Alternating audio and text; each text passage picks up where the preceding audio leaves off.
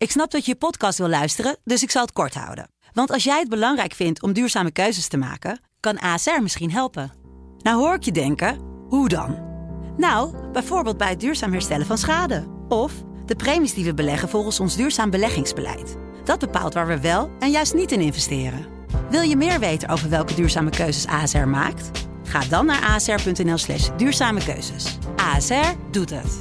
Zo, dan kan je nu lekker naar je podcast luisteren. Dit is een podcast van de Telegraaf.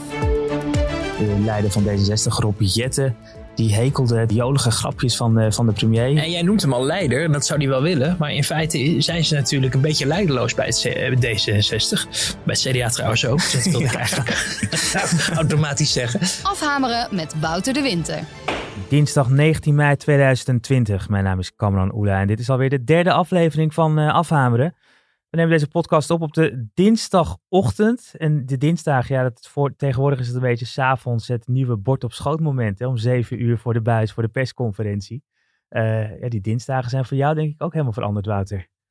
Ja, dat klopt. Uh, het, is, het is een beetje vaste prikkel waar het af en toe ook uh, een beetje wordt overgeslagen. Of dat er vanwege een feestdag weer een, een schuif zit in, in het moment. Hè? Want soms is het ook op woensdag, ja. omdat het dan bijvoorbeeld Pasen was. Dan krijgen we straks met Pinksteren wellicht ook.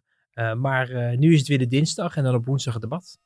Precies, en, uh, en, en zo'n dinsdag dus met een, met een persconferentie. Dus ja, wij kunnen het niet hebben over de maatregelen die daar bekend worden gemaakt. er is natuurlijk al het een en ander bekend geworden van tevoren al. misschien kunnen we daar nog wel wat, wat bij stilstaan. Nou ja, ik verwacht niet heel veel verrassing, omdat zoals ja, we eigenlijk tot nu toe bij elke keer hebben gezien, natuurlijk de belangrijkste dingen al op straat liggen. dat is dat er geen aanleidingen zijn uh, om, om de horeca niet te openen. Omdat de cijfers gewoon uh, meevallen. De besmettingsgraad, maar ook de, het aantal doden, de IC-capaciteit, et cetera. Het gaat zelfs nog iets harder naar beneden met de IC-capaciteit dan voorzien. Begrijpen we. En um, tegelijkertijd ja, ook de, het feit dat het dan toch niet met Pinksteren eerder geopend mag worden. Hè? Dat was mm. een, een ding wat nog een beetje boven de markt hing. Maar waarvan de veiligheidsregio's eh, hebben gezegd op maandagavond van dat lijkt ons niet verstandig, want we hebben onze handen vol aan, aan om alles te handhaven. Um, ja, vond, vond, ik op zich wat wonderlijk, want of het nou op de ene of de andere dag is. Uh, ja. hè? Maar, maar goed, het is toch een beetje de indruk die misschien zou kunnen ontstaan van een, uh, van een feestweekend als je, als je het hele Pinksterweekend opengooit. Ja. En hopen dat het mooi weer wordt, hoewel ik, um, ja, het is nog best wel ver in de tijd natuurlijk. Ik weet nog niet hoe het weer eruit ziet dan.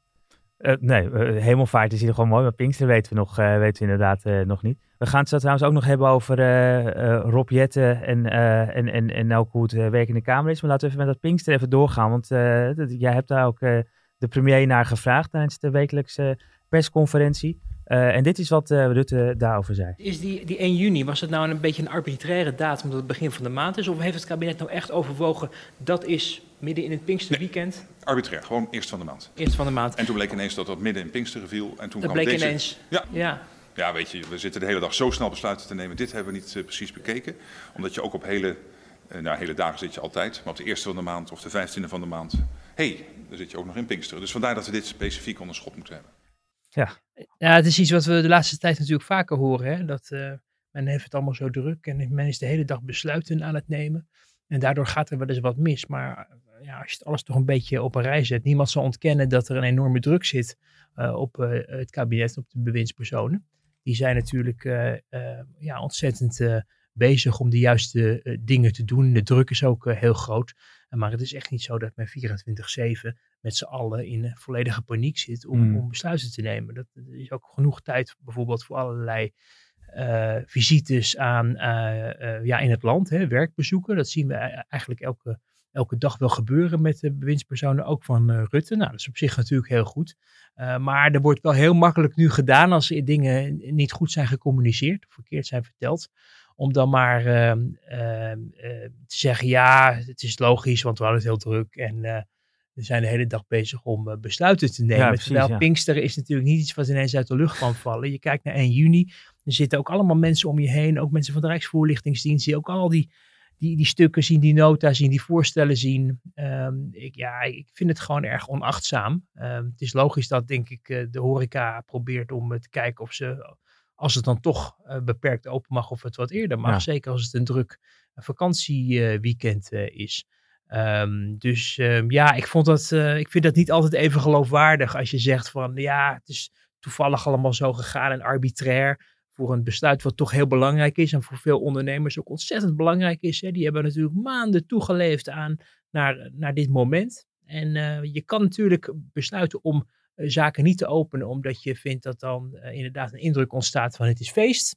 Dus iedereen moet, gaat lekker de straat op en op terrassen zitten en dan staan rijen bij, bij terrassen en dat soort dingen. Dat is een overweging, maar we hoorden de minister-president zelf net zeggen dat het arbitrair was. Dus dat hmm. het toevallig de eerste van de maand was. Ja, dan, dan vind ik dat allemaal wel een beetje slordig. Ja, en dan, zou je zeggen, ja, communicatie. Want hè, en er kijken natuurlijk inderdaad 5, 6, 7 miljoen mensen naar die persconferenties. Want men wil weten waar ze aan toe zijn. Maar het wordt ook voorbereid. Want uh, zodra het gezegd is, verschijnen online graphics. En uh, waar precies uh, met icoontjes en zo duidelijk wordt wat wel wat mag en wat niet mag. Dus het is ook niet zo dat je kan zeggen, ja, het gaat daar mis tijdens je persconferentie. Er is, er is wel echt over nagedacht. Ja, er is over nagedacht. En, en het is met alle respect, maar het is, we zitten natuurlijk sowieso in een, in een gekke tijd waarin vakanties eh, fluctueren. Mensen zijn eh, thuis, moeten thuiswerken, kinderen opvangen. Dus je ziet uh, op een gegeven moment echt wel dat het Pasen is of Pinksteren. Dus um, um, ja, ik vond dit allemaal uh, uh, niet heel erg geloofwaardig. En ook dus wat onverstandig, want dan is het dan toch weer paar weken over gegaan. En mensen zijn ook uh, nerveus aan het worden in die sector. Dat zijn ze natuurlijk mm. vanwege de tegenslag die er is. Um, maar als je dan een besluit neemt om het op 1 juni te houden, maar doe het dan op basis van uh, wat nu uiteindelijk de reden wordt, namelijk uh, veiligheidsissues en niet arbitrair. Um, je hebt er ook iets over geschreven in je weekse column, hè? ook te lezen bij ons op de site de hele week en elke dinsdag in de, in de krant. Uh, en, en, daar gaat het ook even over of Rutte uh, alleen maar van dag tot dag leeft met, mm -hmm. met dit soort dingen. Of ook echt verder kijkt. Hè? Dus Pinkster is natuurlijk al 1 juni. Ja. Uh, maar, maar ook echt verder kijken. Nee, dat, dat, dat, dat, dat is iets wat je, wat je toch hoort. Hè. Er is een beetje een sfeer ontstaan dat de minister-president bijna ja, door de uit de hemel gevallen is. met al het goede wat hij doet voor, voor het land. waardoor de kritiek, ehm, zeker in de eigen kring, tot een minimum beperkt blijft. En uh, dat betekent als je dan bewindspersonen ook achter de schermen vraagt van, goh, uh, hoe gaat dat nou echt? Uh, hebben jullie wel eens ruzie? Worden, gebeuren er wel eens dingen? Wordt hij wel eens gecorrigeerd? Word jij wel eens gecorrigeerd? En dan ja, gaan de luiken toch dicht, want je mag toch niet iets onaardigs zeggen over elkaar, zeker niet in crisistijd. Maar als je dan echt lang doorvraagt, dan hoor je wel van, ja, bij Rutte is het wel zo, die is heel erg goed in het managen van een actuele tegenslag, een actuele gebeurtenis. Daarom gaan die debatten ook vaak goed, hè, omdat hij uiteindelijk die Kamer toch de baas kan omdat hij nou net even wat, wat, wat slimmer redeneert door rapper van de tongriem gesneden is of ze weet in te pakken. Maar als het gaat om gesprekken over waar wil je nou uiteindelijk uitkomen? Waar mhm. staat Nederland over een jaar? Hè? Dan hebben we het over, uh, over mei 2021. Ja, dan, dan merk je dat daar niet zoveel van uitgaat vanuit Rutte. Dus Rutte is heel erg goed in de, in de dingen die op dit moment gebeuren de bekende visie ontbreekt. Ja, precies. Zelf zegt hij altijd van je moet naar de oogarts als je visie mist. Ja. Uh, ik geloof een Duitser die dat ooit uh, gezegd heeft. Uh, maar dat is wel iets wat mensen die, die, die hem beter kennen en ook een paar jaar inmiddels nauw met hem samenwerken, wel ontdekken dat het wel heel vaak um, toch vooral heel ad rem is. En ad hoc moet ik eigenlijk zeggen. Ja. En um, als het om de lange termijn gaat, hè, wat gaan we over drie maanden doen? Wat gaan we over een half jaar doen? Hoe ziet Nederland er over een jaar uit?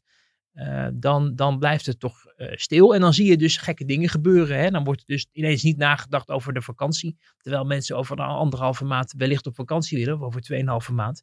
Maar men heeft nog niet eens, zo zei hij, uh, nagedacht of over vliegen veilig is. Je redt dus ja. wel KLM met een paar miljard. Maar of je ook in die toestellen veilig kan vliegen. Dat is iets waar men niet dan zogenaamd aan denkt.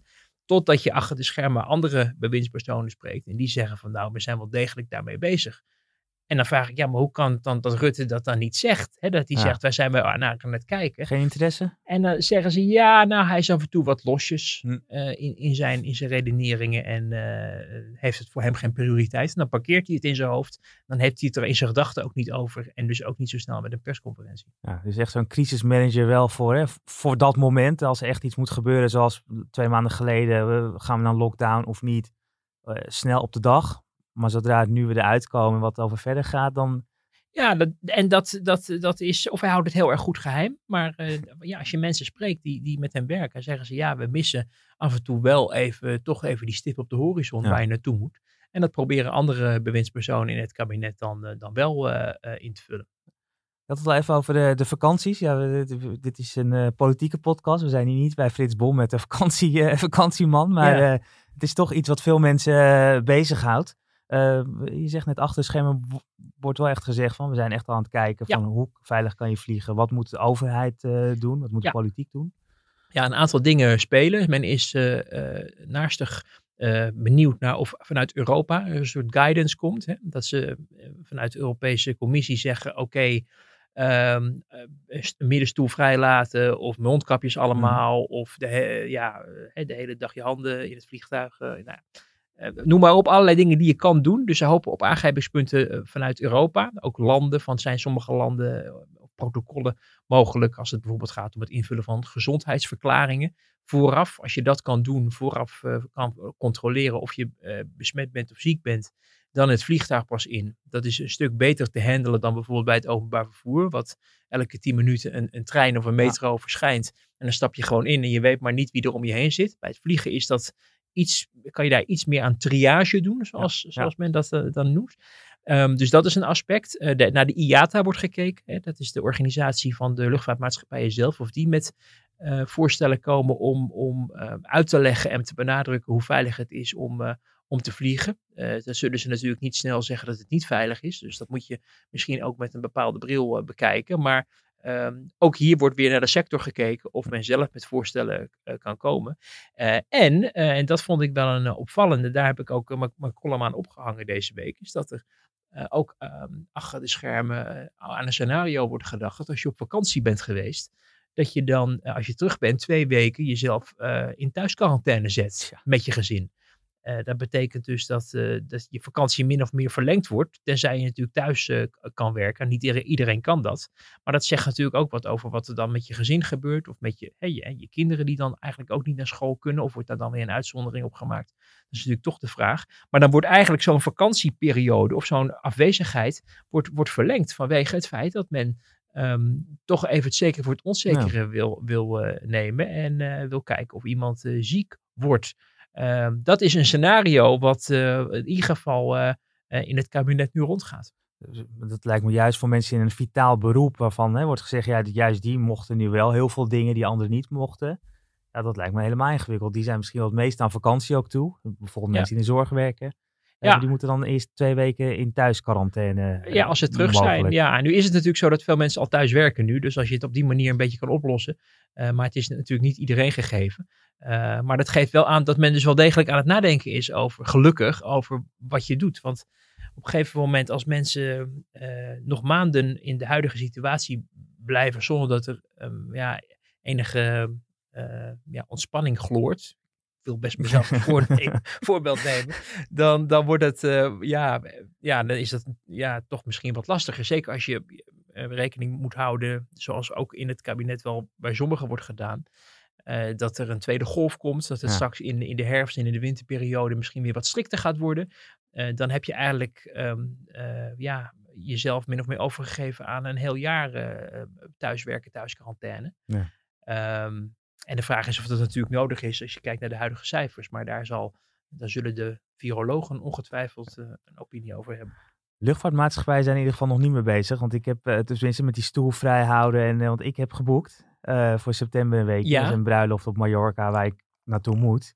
Um, nou, Europa lijkt mij nog redelijk lijkt mij een stuk kansrijker dan, dan, dan nog verder weg. Hè? Als je ziet dat dat er in uh, Zuid-Europa al uh, wordt gezegd dat men toch heel graag, uh, ik geloof Frankrijk niet, maar, maar, maar, in ieder geval Italië, ja. misschien Spanje. Spanje ook nu, ja. Ja, ja. dus dat dat, dat, dat ook een, een, stuk kansrijker is dan als je bijvoorbeeld dacht, ik wilde nog even naar Thailand of, of, of, of China of Singapore of zo. Of Amerika natuurlijk. Precies, ja. Nou, ik, ik, maar ik merkte dus dat qua stoelkeuze was de, de keuze was ruim, want er waren nog niet heel veel tickets. Maar, ja. maar er werden geen stoelen leeggehouden, wat dan ook. Nee. Dus ik ben wel benieuwd op het moment dat er opeens ja. wel massaal wordt geboekt, ja, dan, dan hebben die luchtvaartmaatschappij weer een ander probleem als een nieuwe regels Zeker, en het, ik, ik, verbaas me ook wel een beetje dat je er vrij weinig van hoort. Hè. Je hoort nu wel dat KLM mondkapjes uh, doet uh, of verplicht stelt. Uh, maar je hoort eigenlijk nog redelijk weinig uit de sector, behalve af en toe een bericht van een Amerikaanse maatschappij die dan uh, uh, zegt van je, je, krijgt geen eten of zo, of je, je krijgt geen alcohol of dat soort dingen. maar misschien komt dat nog. Hè. In het kabinet hoor je ook wel van ja, op dit moment is de hele wereld nog code oranje. Dus er is ook nog niet een acuut moment om te beslissen nu. Aan de mhm. andere kant, regeren is natuurlijk ook vooruitzien over, over een maand of over zes weken of over acht weken. Hè. Wellicht augustus kan ja, kan de wereld er anders uitzien. En dan is het misschien goed als je al over hebt nagedacht wat je dan mensen moet adviseren. Laten we dan hebben over kritiek op premier Rutte en ook op andere bewindspersonen die er opeens wel klonk uh, tussen al het coronanieuws door. Ik geloof een interview in het uh, NRC. de leider van D66, Rob Jetten, die hekelde het, uh, jolige grapjes van, uh, van de premier. En, uh, en had ook opeens eisen dat het Europa-paragraaf, geloof ik, en het regeerakkoord moest maar worden opengebroken. Ja, en jij, en jij noemt hem al leider, en dat zou hij wel willen. Maar in feite zijn ze natuurlijk een beetje leideloos bij het D66.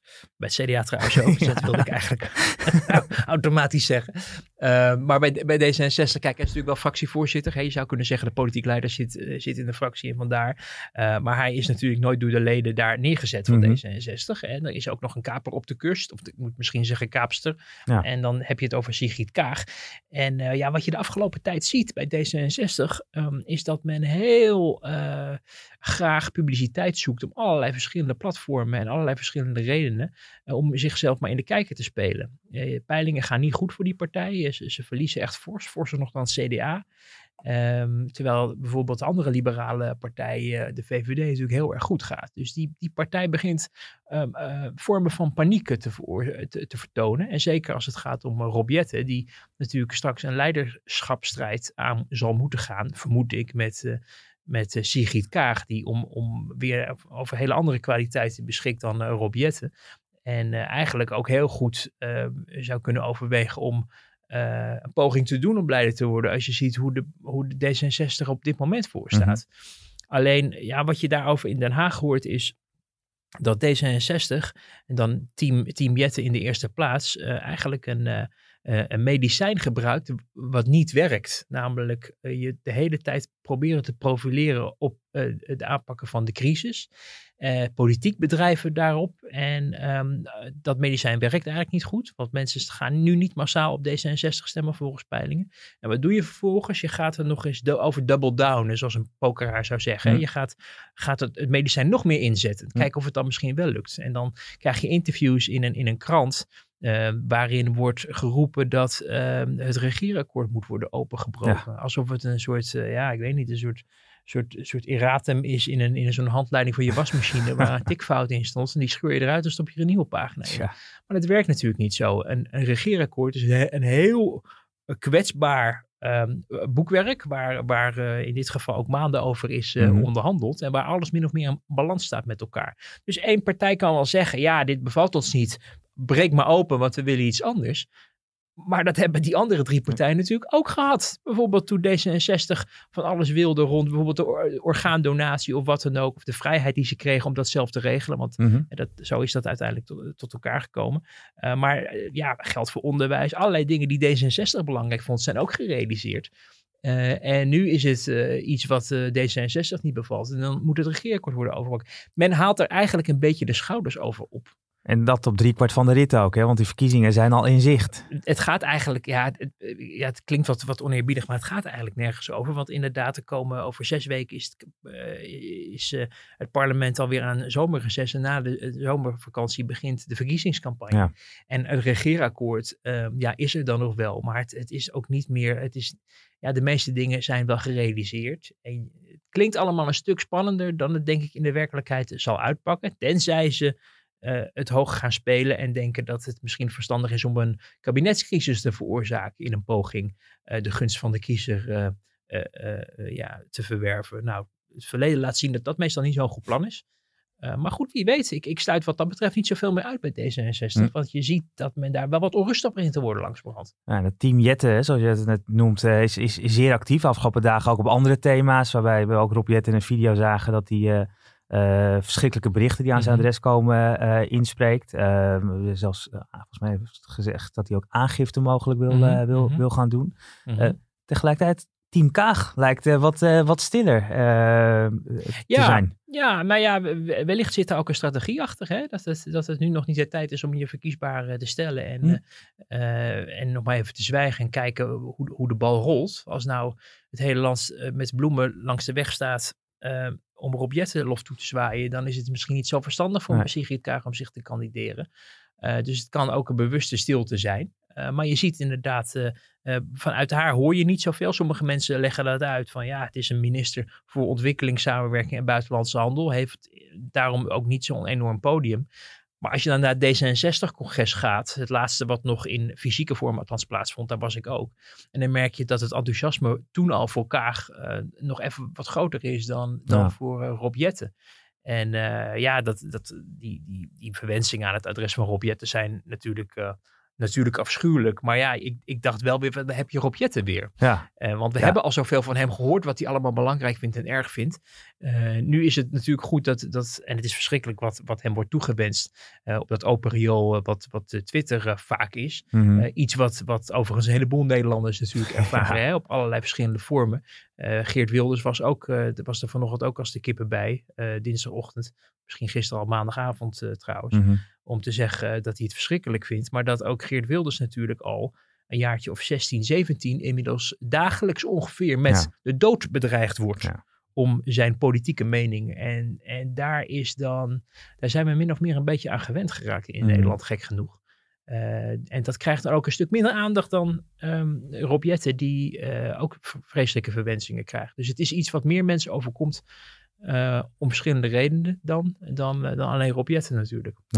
Ehm, eh, dus ook, ja, dus moet het ook in de tijdgeest zien van waar, waar we nu mee zitten. Hè? En, en dat zo'n team Jette heel erg actief überhaupt in, deze weken is. Ik, ik vraag me af wel op, of men doorgaat op deze koers als je ziet dat het, dat het medicijn niet werkt. Nee. En als je elke keer, en dat gaat dan niet zozeer over die, het statement over, over die verwensingen, maar meer over die profileringspuntjes over Europa en de regeerakkoord openbreken. eh, dingen roepen in de hoop dat het, dat het eh, aandacht genereert. Ehm, ja, iedere partij doet het op een andere manier. Van het CDA hoor je bijvoorbeeld helemaal niks. Ik weet niet of dat nou zo verstandig is. Maar bij, bij D66 lijkt eh, het medicijn de kwaal niet te helpen. Dus daar moeten ze toch wel iets mee de komende maanden. Nou, die leiderschapsstrijd die binnen D66 en ook het CDA gevoerd gaat worden, daar gaan we het ongetwijfeld de komende weken en maanden veel vaker en uitgebreider over, eh, over hebben. Ongetwijfeld, ja. Dan de Tweede Kamer, die is eh, weer actief. Nou, ze was natuurlijk niet echt helemaal een reces, maar deze week is het gewoon weer echt eh, business as usual. Als we, dat, ja, als we die term überhaupt nog kunnen gebruiken. wat, is, ja. wat is het nieuwe normaal, zou je bijna zeggen. Ehm, ja, hoe is het eigenlijk voor jou ook om, te, om nu te werken in die, in die gangen van de Tweede Kamer? Nou, het is ook wel weer frustrerend. Aan de ene kant zit je in een, eh, misschien wel de, de- op ziekenhuizen na dan de best schoongemaakte eh, vertrekken van, van het land. Hoewel onze redactie wat, wat, wat krapjes is, moet ik eerlijk zeggen. Er kunnen ook geen ramen open. Dus dan denk je ook, nou laat Ja van Dissen het maar niet horen. Of zien, of, of onderzoeken. Maar ehm, dat gebouw, dat, dat, dat hangt van, van alcoholgel aan elkaar langs. Je hoeft, je hoeft maar je hoeft maar, maar, maar, maar, maar te- nou ja, te snotteren moet je natuurlijk sowieso niet doen. Maar je hoeft maar met je vingers te knippen of eh, als Kamerlid of de boel wordt schoongemaakt. En eh, en die microfoons in de plenaire zaal natuurlijk. eh, iedereen zit op afstand. Er zijn Iedereen een gaat dronken naar huis door de, door de door lucht. walmen, ja. nou ja, er- er er zijn dus een aantal, eh, er is een aantal eh, plekken zijn, ehm, zijn eh, ehm, eh, gereserveerd nu voor debatten. Mhm. En ehm, nou, die, de, de- ja, dat is wel een, een, eh, een beperking natuurlijk, want mensen kunnen niet bij elkaar komen. Voor mij als, als journalist is het vervelend, ehm, omdat ik niet dichtbij mensen kan komen. Dat klinkt wat dubieus, wellicht, maar de kracht van, van, van, van, ons, van ons werk is vaak dat je mensen in Den Haag even aan kan schieten. Daarom Mhm. werken we ook met de redactie in Den Haag. Omdat dat het contact vergemakkelijkt met degene die jouw dingen kunnen vertellen over het landsbestuur of Mhm. over het controleren daarvan. Ja. En op het moment dat je mensen niet meer, eh, zoals je dat hier vroeg op de redactie of bij ieder ander bedrijf, eh, waar ongetwijfeld ook veel luisteraars zich in zullen herkennen, dat je elkaar niet meer even één op één kan spreken, apart kan nemen, een, een praatje kan beginnen, Ja. dan ja, wordt dat voor journalisten best lastig. Want wij willen juist die praatjes, want dan hoor je weer wat. Een vliegende kraai vangt altijd wat, eh, Hm. heeft een van mijn voormalige bazen ooit eh, gezegd. En eh, dat vond ik wel een goed uitgangspunt. En dat bleek ook vaak waar. Uh, maar ja, uh, op het moment dat dat niet kan, dan moet je dus veel telefonisch proberen of vanaf een afstandje. Maar mensen gaan je natuurlijk niet de grote geheimen vertellen terwijl je anderhalve meter of twee meter van ze vandaan staat te roepen. Ja. Terwijl een collega ook twee meter vandaan staat om uh, eventueel mee te luisteren. Dus dat is lastig, maar ik denk wel dat het goed is. Vraaguurtje natuurlijk weer deze week dat er weer wat gebeurt. Um, omdat ik me afvroeg of het nou inderdaad echt nodig was dat alleen de fractievoorzitters Mhm. aan het debatteren waren en niet, uh, uh, niet andere Kamerleden. Um, tegelijkertijd uh, zijn ook fractievergaderingen nu in fysieke vorm en ook allerlei vergaderingen in. Uh, ja, in, in, de, in de Tweede Kamer uh, van de fracties, uh, die um, in fractiekamers normaal plaatsvinden. Dat is wel grappig. Hebben ze dus in de VVD-vleugel een VVD-fractiekamer, in ehm, de CDA-vleugel een CDA-fractiekamer. Je kent de deur natuurlijk nog wel. Ja. Dat was Waar ze naar achter met z'n allen zitten. En, en de VVD die, die is zo groot, dat kan je eigenlijk met al die Kamerleden en die medewerkers niet meer in de VVD-fractiekamer zitten om anderhalf meter afstand Ja. te bewaren. Dus wat doen ze nou? De SP gaat uh, deze week uh, vergaderen of heeft vergaderd op het moment dat, uh, op het moment dat mensen dit horen in de VVD-fractiekamer. En daar heeft de VVD wel een leuke, ludieke um, kans in gezien. Want ze hebben dus die hele VVD-fractiekamer behangen met allerlei VVD, um, um, spandoeken, uh, alle voorpagina's van de verkiezingsoverwinningen van de VVD hangen aan de muur. Ook nog met omcirkeld hoe elke keer de SP verloor. Hè? Uh, SP zakt weg, Roemer moet het veld ruimen. Nou, allemaal heel, heel vals. Bij de haard aan het einde van de tafel hangt een groot portret van Mark Rutte. Die als een soort leider van het land die hele fractiekamer overziet. Terwijl dus Lilian Marijnissen daar met haar mensen moet gaan vergaderen over hoe ze die, die verschrikkelijke VVD toch gaan Ik aanpakken. ben benieuwd hoe ze de VVD weer aantreft na afloop. Overal tomaten tegen de wand. En, uh... Nou, als ze een beetje humor hebben, en dat is in linkse kring niet altijd iedereen gegeven, maar bij de SP zijn ze daar bijvoorbeeld iets beter in dan bij de PvdA, dan moet daar natuurlijk wel een, een, een, een reactie op komen. Ja. Een, een ander plagerijtje. Uh, dus, uh, maar goed, het, het, ik, ik vond het wel geestig. Er stond ook een heel rijtje boeken met het, het bedrog van links, en allemaal van dat soort boeken.